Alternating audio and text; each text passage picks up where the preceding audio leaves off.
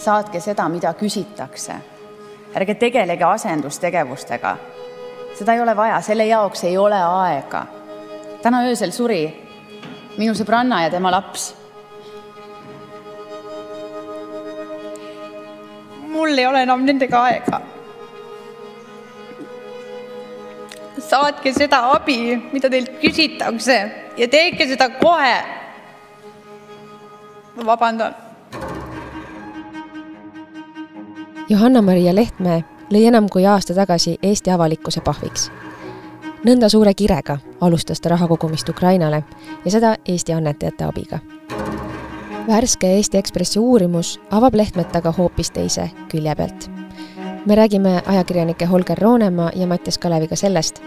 kas kunagised tumedad teod minevikus asetuvad nüüd mustrisse, mis kordus taas Slava Ukrainis. See on Eesti Ekspressi podcast, mina olen Grete Lehepuu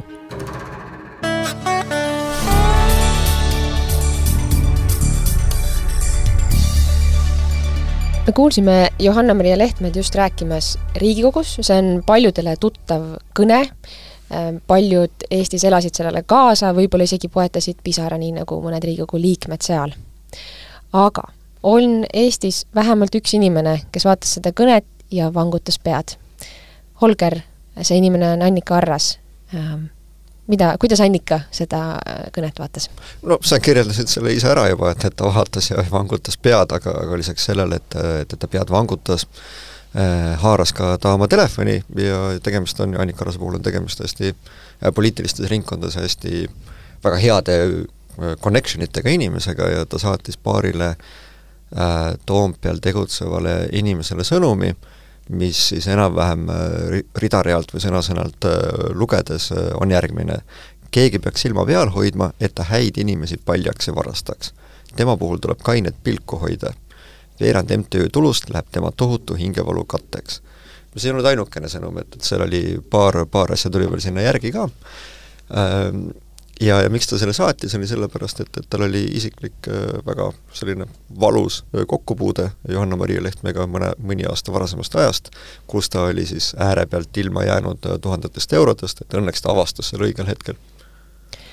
senimaani on Slava Ukraini ja, ja ka Lehtme ümber pununud skandaal keskendunud Ukrainale ja sellele, et ähm, et miks on äh, Eesti Heategevuslik MTÜ teinud koostööd siis ühe eraettevõttega, kes on väga suure kasumi enda arvele kirjutanud meie annetusrahade äh, pealt nähtavasti. Äh, nüüd me pöörasime Ekspressis pilgu Lehtme persoonile. no inimesed ikka teevad vigu minevikus. miks neid asju praegu välja niimoodi nokkida? võib-olla sellepärast, et, et, et need vead, mis on minevikus tehtud, on praegu, on, tundub väga, väga paljude infokildude põhjalt, et need vead äh, korduvad. et see ei olnud niimoodi, et äh, ühe korra on eksitud elus millegi vastu tehtud äh, rumal otsus või, või midagi halvasti, ja siis on selle pealt ümber otsustatud ja nüüd on kõik teistmoodi, et ei, et ka see põhjus, miks Annika Arras ja siin loos veel mõned inimesed rääkima on tulnud, on suures osas see, et nad näevad, et aastate jooksul ei ole mitte midagi muutunud. et see Johanna-Maria Lehtme käitumine äh, viis tänaseks äh, Slava Ukraini sinna, äh, kuhu ta jõudnud on. ja ma arvan, et, et siis see oli see põhjus, miks need inimesed on rääkima tulnud, lisaks sellele, et, et kuna see skandaal on meil siin juba ju küpseb kolmandat kuud ja selle kolme kuu jooksul me ei ole tegelikult siiamaani saanud ju lõplikke vastuseid et mis siis toimunud on, et, et selline justkui selline vaikselt see podiseb ja podiseb, et et need infokillud, mida need inimesed meie artiklis räägivad, avavad mingi, annavad sellise suurema konteksti, et aitavad sellel teemal edasi areneda, et, et tegelikult see selgus lõpuks majja tuleks. ja ma ei ole lõpuni nõus sinuga, et, et me keskendume ainult Johanna-Mari Lehtme persoonile, sest tegelikult selles samas artiklis me ju ka räägime Slava Ukraini tegemistest päris palju, äh, eriti mis puudutab äh, äh, sügist, talve, kevadet nüüd. Mattias, mis sind üllatas seda lugu tehes? üllataski, et äh, usutavasti sama asi, mis üllatas inimesi, kes siin viimase kuu jooksul seda skandaali on äh, Äh, lähemalt jälginud ja võib-olla minevikus Lehtmega kokku puutunud, et tegelikult ongi see asi muster, et äh, Lehtme läheb kuhugi tööle, alustab mingisuguse ettevõtte, alguses on kõik super, varsti hakkavad tekkima jamad, on need siis rahajamad või on need suhted inimestega, mis on kehvad või on need mõlemad, et see on lihtsalt üks järjekordne etapp ja see oli nüüd see etapp tema elus, mis lihtsalt toimus väga suure avaliku tähelepanu all. et äh, kõik see tegelikult oli juba varem toimunud, aga lihtsalt äh, avalikkuse silmalt eemal ole hea, ava mõni episood ka põgusalt, äh, millest, äh, mida sa uurisid ja, ja mis sa kirjutasid? Äh, kõige, kõige rohkem puutusime kokku siis Lehtme poolt kohtus antud valetunnistustega. et see oli siis selline episood, kus toimus möödunud kümnendi äkki kaks tuhat neliteist hakkas lahti hargnema ja siis selle aasta kaks tuhat kakskümmend kolm jaanuarini kestis ehk üheksa aastat. Selle käigus toimus kaks äh, erinevat kohtuasja ja asja sisuks oli mõlemal puhul äh, äh, see, et Lehtme tööandja juures Vespalo reisibüroos läksid omavahel tülli tegevjuht ja üks reisikonsultant, üks staažikas reisikonsultant ja see, sest et see reisikonsultant hakkas tegema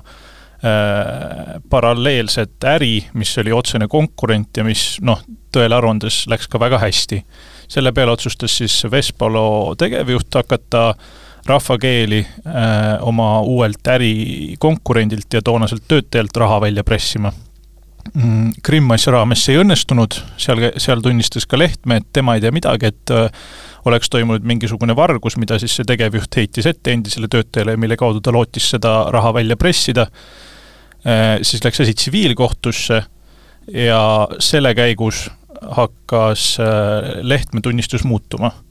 Äh, puudutas siis endiselt sedasama, sedasama väidetavat rahavargust, mille siis justkui see staažikas reisikonsultant oma endiselt äh, tööandjalt oli teinud, jutt käis siis kuuekümnest tuhandest eurost sularahast. see on ikka päris suur summa. see on suur summa ja sinna lisandusid kohtu case'is ka veel korralikult intresse, et arvestas seda võlana ja ei olnud nagu mingit niisugust äh, tagasihoidmist, vaid see oligi nagu noh, julm põhimõtteliselt väljapressimine, et seda lõpuks siis leidsid äh, neli erinevat äh, kohut, andsid sellele kõik nagu väga ühese hinnangu ja lõpuks siis äh, Vespalu reisibüroo ise võttis oma hagi tagasi, aga enne seda, kui see juhtus, jõudis äh, Lehtme valetada, et äh, see inimene, kellele siis väideti, et see võlg on olnud, see tema endine kolleeg, see staažikas reisikonsultant, et ta käis ja tunnistas äh, juhatuse koosolekul, Lehtme oli toona ka siis Vespalo juhatuses, äh, muuhulgas Lehtmele, et, äh, et jah, et see võlg tõepoolest oli ja lubas tagasi maksta. mitte midagi sellist Lehtme, kes ise toona protokollis äh,, protokolli kirja ei pannud äh,. Ja noh, ka tema endis en,, e-, enne politseile ja kohtu ees kriminaalasja raames antud tunnistused olid sada kaheksakümmend kraadi teistpidised et üks hetk ta lihtsalt, no põhimõtteliselt kui hästi, hästi niimoodi robustselt väljendada, hakkas tegema katet oma endisele tööandjale, et aidata oma endiselt kolleegilt kaheksakümmend tuhat eurot välja pressida mm me ei hakka võib-olla siin lahti rääkima, sest see lugu, need lood on päris ka pikad ja, ja midagi peab jääma ka lugemiseks teile äh,. aga et, et sarnast ähm, käitumismustrit siis kirjeldas ka Annika Arras äh, oma kogemusest äh, Lehtmega, oma koostööst. ja see oli ka siis äh, alustuseks või sellest tõukeks, miks ta selle SMS-i saatis, millest meil alguses juttu oli. Holger, mm, nagu sa mainisid, äh, et, et ei keskendu me ainult persoonile, Lehtme persoonile, vaid räägime ka sellest, mis siis toimus Slava Ukraini ja IC Constructioni ehk siis Ukraina ettevõtte vahel. no too, too välja mm, mõni, mõni uus ähm, fakt, mida, mis oleks oluline teada nüüd nende sündmuste järjestuses? Äh, jaa, et minu jaoks üks kogu selle Slava Ukraini case'i puhul on, on üks võtmekoht, tundub mulle olema eelmise aasta septembri keskel äh, Lääne-Ukrainas äh, Karpaatiades toimunud strateegiapäevad, kus Eesti poole pealt osales neli inimest, Johanna-Maria Lehtme ja, ja Ilmar Raagja ja paar inimest veel ja Ukraina poole pealt siis ka neli inimest, et muuhulgas seesama Gennadi Vaskiv ja, ja, ja ka tänane vilepuhuja Aleksandr Tšernov ja seal peeti plaane, et, et mida siis, kuidas siis Slava Ukraini peaks edasi tegutsema, et mõeldi, et Ilmar Raag tutvustas seal selliseid mõtted, et, et kuidas siis nõukogu võiks hakata erinevaid projekte nii-öelda heaks kiitma, et vastavalt siis projekti kavale, eelarvele, tegevuskavale, ajaraamile ja nii edasi, äh, ja Gennadi Vaskiv kiitis kõigele takka ja arutas ja oli, oli, oli väga mõistlik, aga millest seal kordagi ei räägitud, oli see, et, et siis sellesama Slava Ukraini toonase partneri All for Victory, mis on heategevusorganisatsioon, et tema asemel peaks kuidagi mängu tulema siis IC Construction, mis ei ole heategevusorganisatsioon, vaid puhas äriettevõte et mitte kordagi sellest ei räägitud seal. ja hiljem äh, tekkisid äh, lepingud, mille kuupäevadeks on näidatud, ma nüüd ütlen mälu järgi, üheteistkümnes ja kolmekümnes august kaks tuhat kakskümmend kaks. ja see seminar oli septembris? septembri keskel mm. -hmm. ehk siis äh, selleks ajaks, kui seda strateegiapäevi peeti, justkui ametlikult äh, sellised lepingud olid juba olemas, ainult mitte keegi sellest ei teadnud, mitte keegi sellest ei rääkinud. ja, ja mis nüüd siis välja tuleb, on see, et need lepingud tegelikult loodi äh, tagantjärgi äh, tõenäoliselt kusagil ähm, oktoobri lõpus, siis, kui, kui, kui Slava Ukraini saatis esimesi väga suuri kümnetes tuhandetes eurodes rahaülekandeid äh, IC Constructionile ja pank ei tahtnud rahapesu tõkestamise reeglitele viidates loomulikult esimese hooga seda raha Ukrainas kontole lubada. hakkas küsima, et kuulge, et te pole varem mingit tegevust teinud, kes on teie partner, mis on leping, mida te tegema hakkate, kuidas te seda tõest-, kes teil, kes need inimesed on, kes seda teevad, klassikalised nii-öelda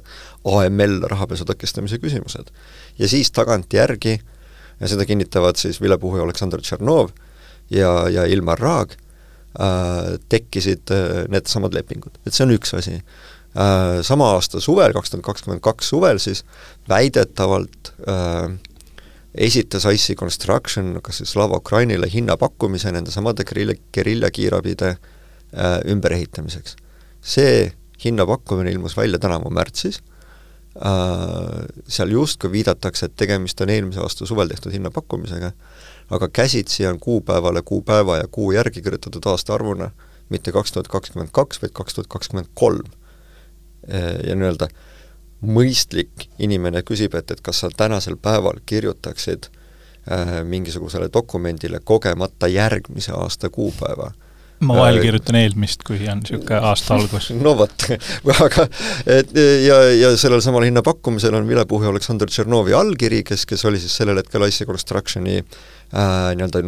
nominaalne või, või juriidiline või, või variomanik, eks ole, ütleme niimoodi, nagu ta, nagu ta ise ütleb, ta oli variomanik. ja Aleksandr Tšernov ütleb, et ei mina ei ole seda allkirja andnud. ma ei ole sellist, sellist dokumenti allkirjastanud. et sellised nüansid tulevad välja äh, jäid mulle kõrva, et Ilmar Raag äh, ütles ka, et leping tehti tagantjärele, kas ta osales selles, teeme selle selgeks, et mis, mis Raagi ei, Ilmar Raag sai äh,, Ilmar Raag sai noh, nii palju, kui, kui mina olen temaga rääkinud, eks ole, et et tema hakkas nendest jamadest teada saama kuskil detsembris, äh, detsembris-jaanuaris. ja, ja alates sellest hetkest on siis ta äh, ise äh, Slaven Ukraini nõuandva koja liikmena, esialgu nüüd ametliku nõukogu liikmena, siis olnud üks selliseid peamisi äh, ma ei tea, kontaktpunkte või, või selliseid äh, selliseid inimesi, kes on seda segadust üritanud lahti harutada Slava Ukraini seestpoolt äh, nagu organisatsiooni huvides tegelikult. kaks lugeja küsimust teile päriselt äh, lugejad, kes on, ole, kas ma olen siis need kuulaja küsimust? no kuulaja küsimust jah, või siis ma olen neid märganud Facebookis või ka äh, eravestlustes on mult küsitud, et miks on niimoodi, et kui ühiskonnas mingi jama kerib, siis järsku järjest kõigis väljaannetes ilmuvad lood äh, ja noh, et inimlikust poolest vaadates Johanna-Maria Lehtme on meile ka ju öelnud, et ta tunneb, et see on tema vastu kuidagi nagu isiklik rünnak ja inimlikust poolest vaadates see noh, ongi väga suur avalik surve. noh, Pealtnägijas Postimehes, Ekspressis, mm, kindlasti veel siin on ju väljaandeid. miks me kõik samal ajal sellest kirjutame? kuidas see nii juhtub? no sellepärast, et eh, see skandaal tekkis ühel ja samal ajahetkel ja kui kuskil tekib kahtlus kuue koma viie miljoni euro eh, eestlaste annetatud raha kuritarvitamise osas, siis minu meelest eh, ei ole nagu muud varianti ajakirjandusel,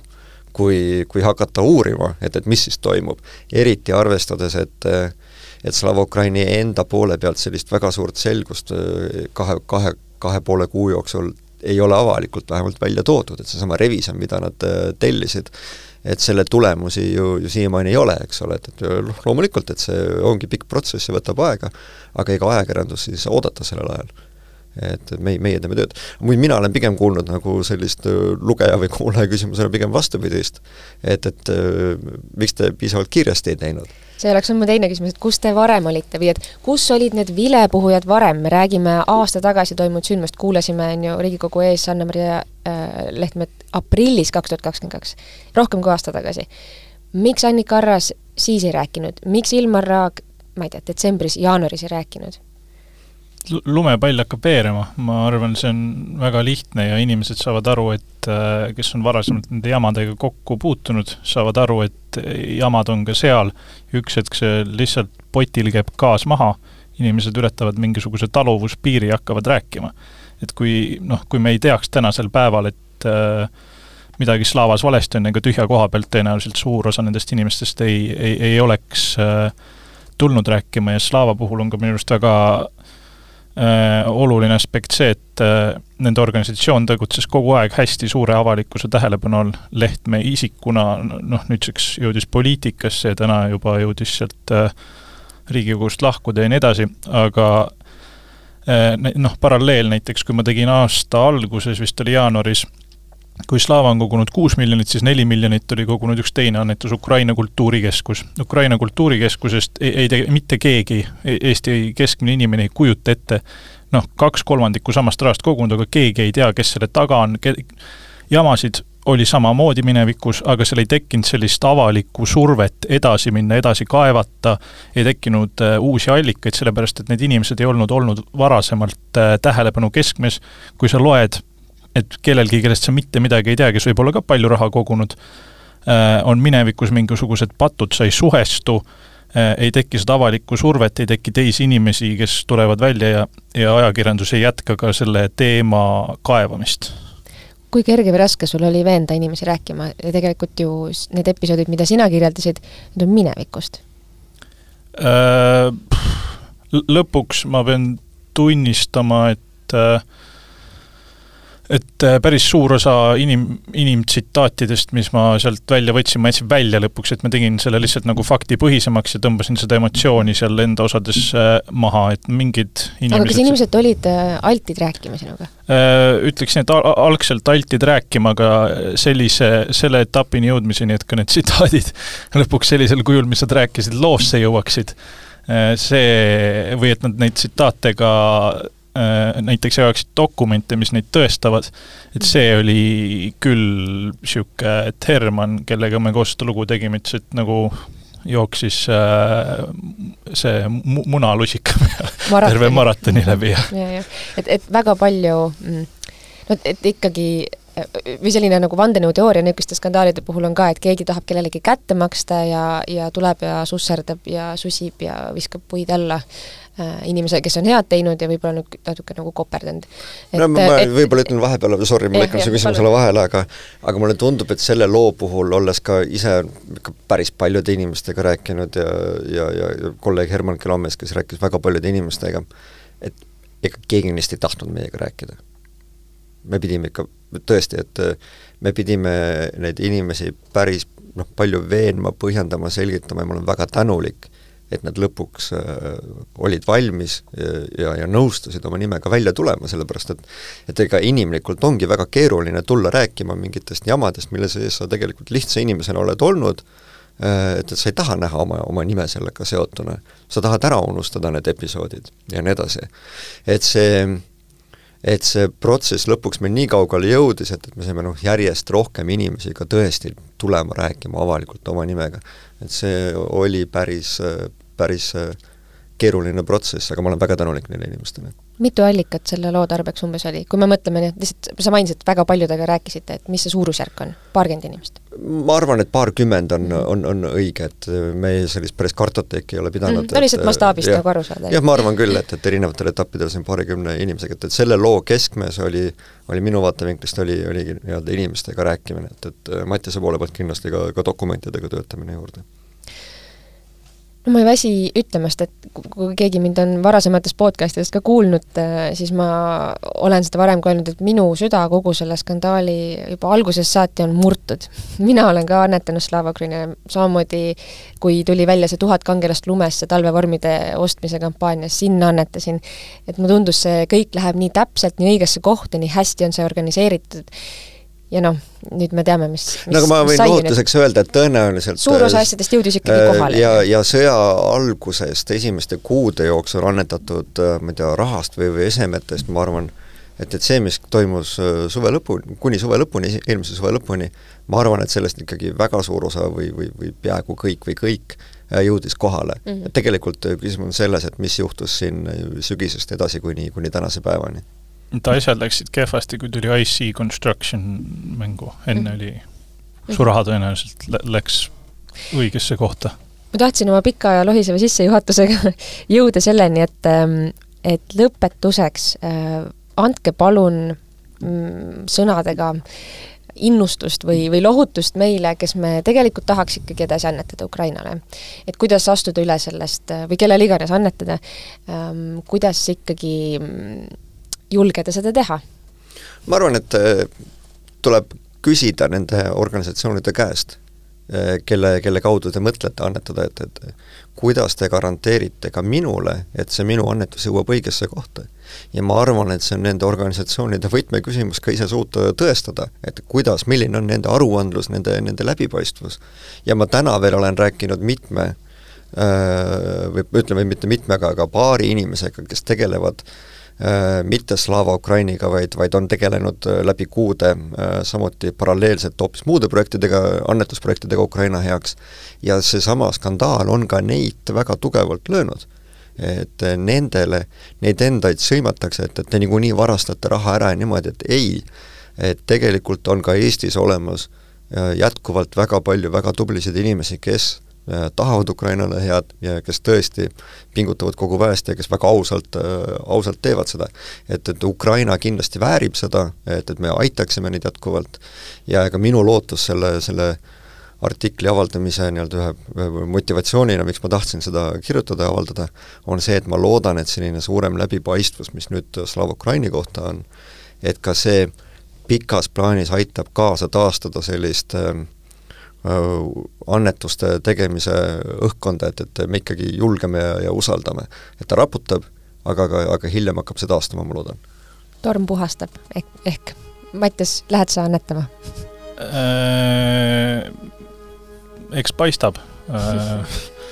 selles suhtes, et äh, ma arvan, aeg teeb ka siin oma, oma töö, et äh, mingil määral oma peas mul on pidevalt paralleelid, kui ma vaatan neid Ukrainasse annetuste kogumisega tegelema hakanud inimesi,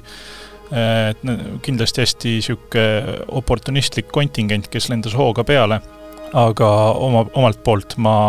annaks soovituse, et seal on ka ikkagi olnud äh, alates kaks tuhat neliteist on tegutsenud paljud organisatsioonid ja et see mingil määral aeg puhastab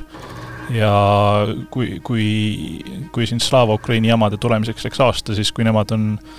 tegutsenud näiteks kaheksa aastat ja jamasid pole välja tulnud, et siis äh, võib-olla lihtsalt äh, enda südamerahu jaoks vaadata kuhugi, kuhugi sinnapoole. Aitäh, Holger Roonemaa, Mattias Kalev ja Herman Kelomehele ütleme ka aitäh, kes oli artikli kolmas autor ja Urmas Jaaganti, kes seda toimetas. Äh, aitäh teile ka kuulamast, minge lugege meid veebist ekspress.ee ja Ekspressi podcasti saate tellida endale Delfi tasku äpi kaudu olge tervitatud, järgmise korrani!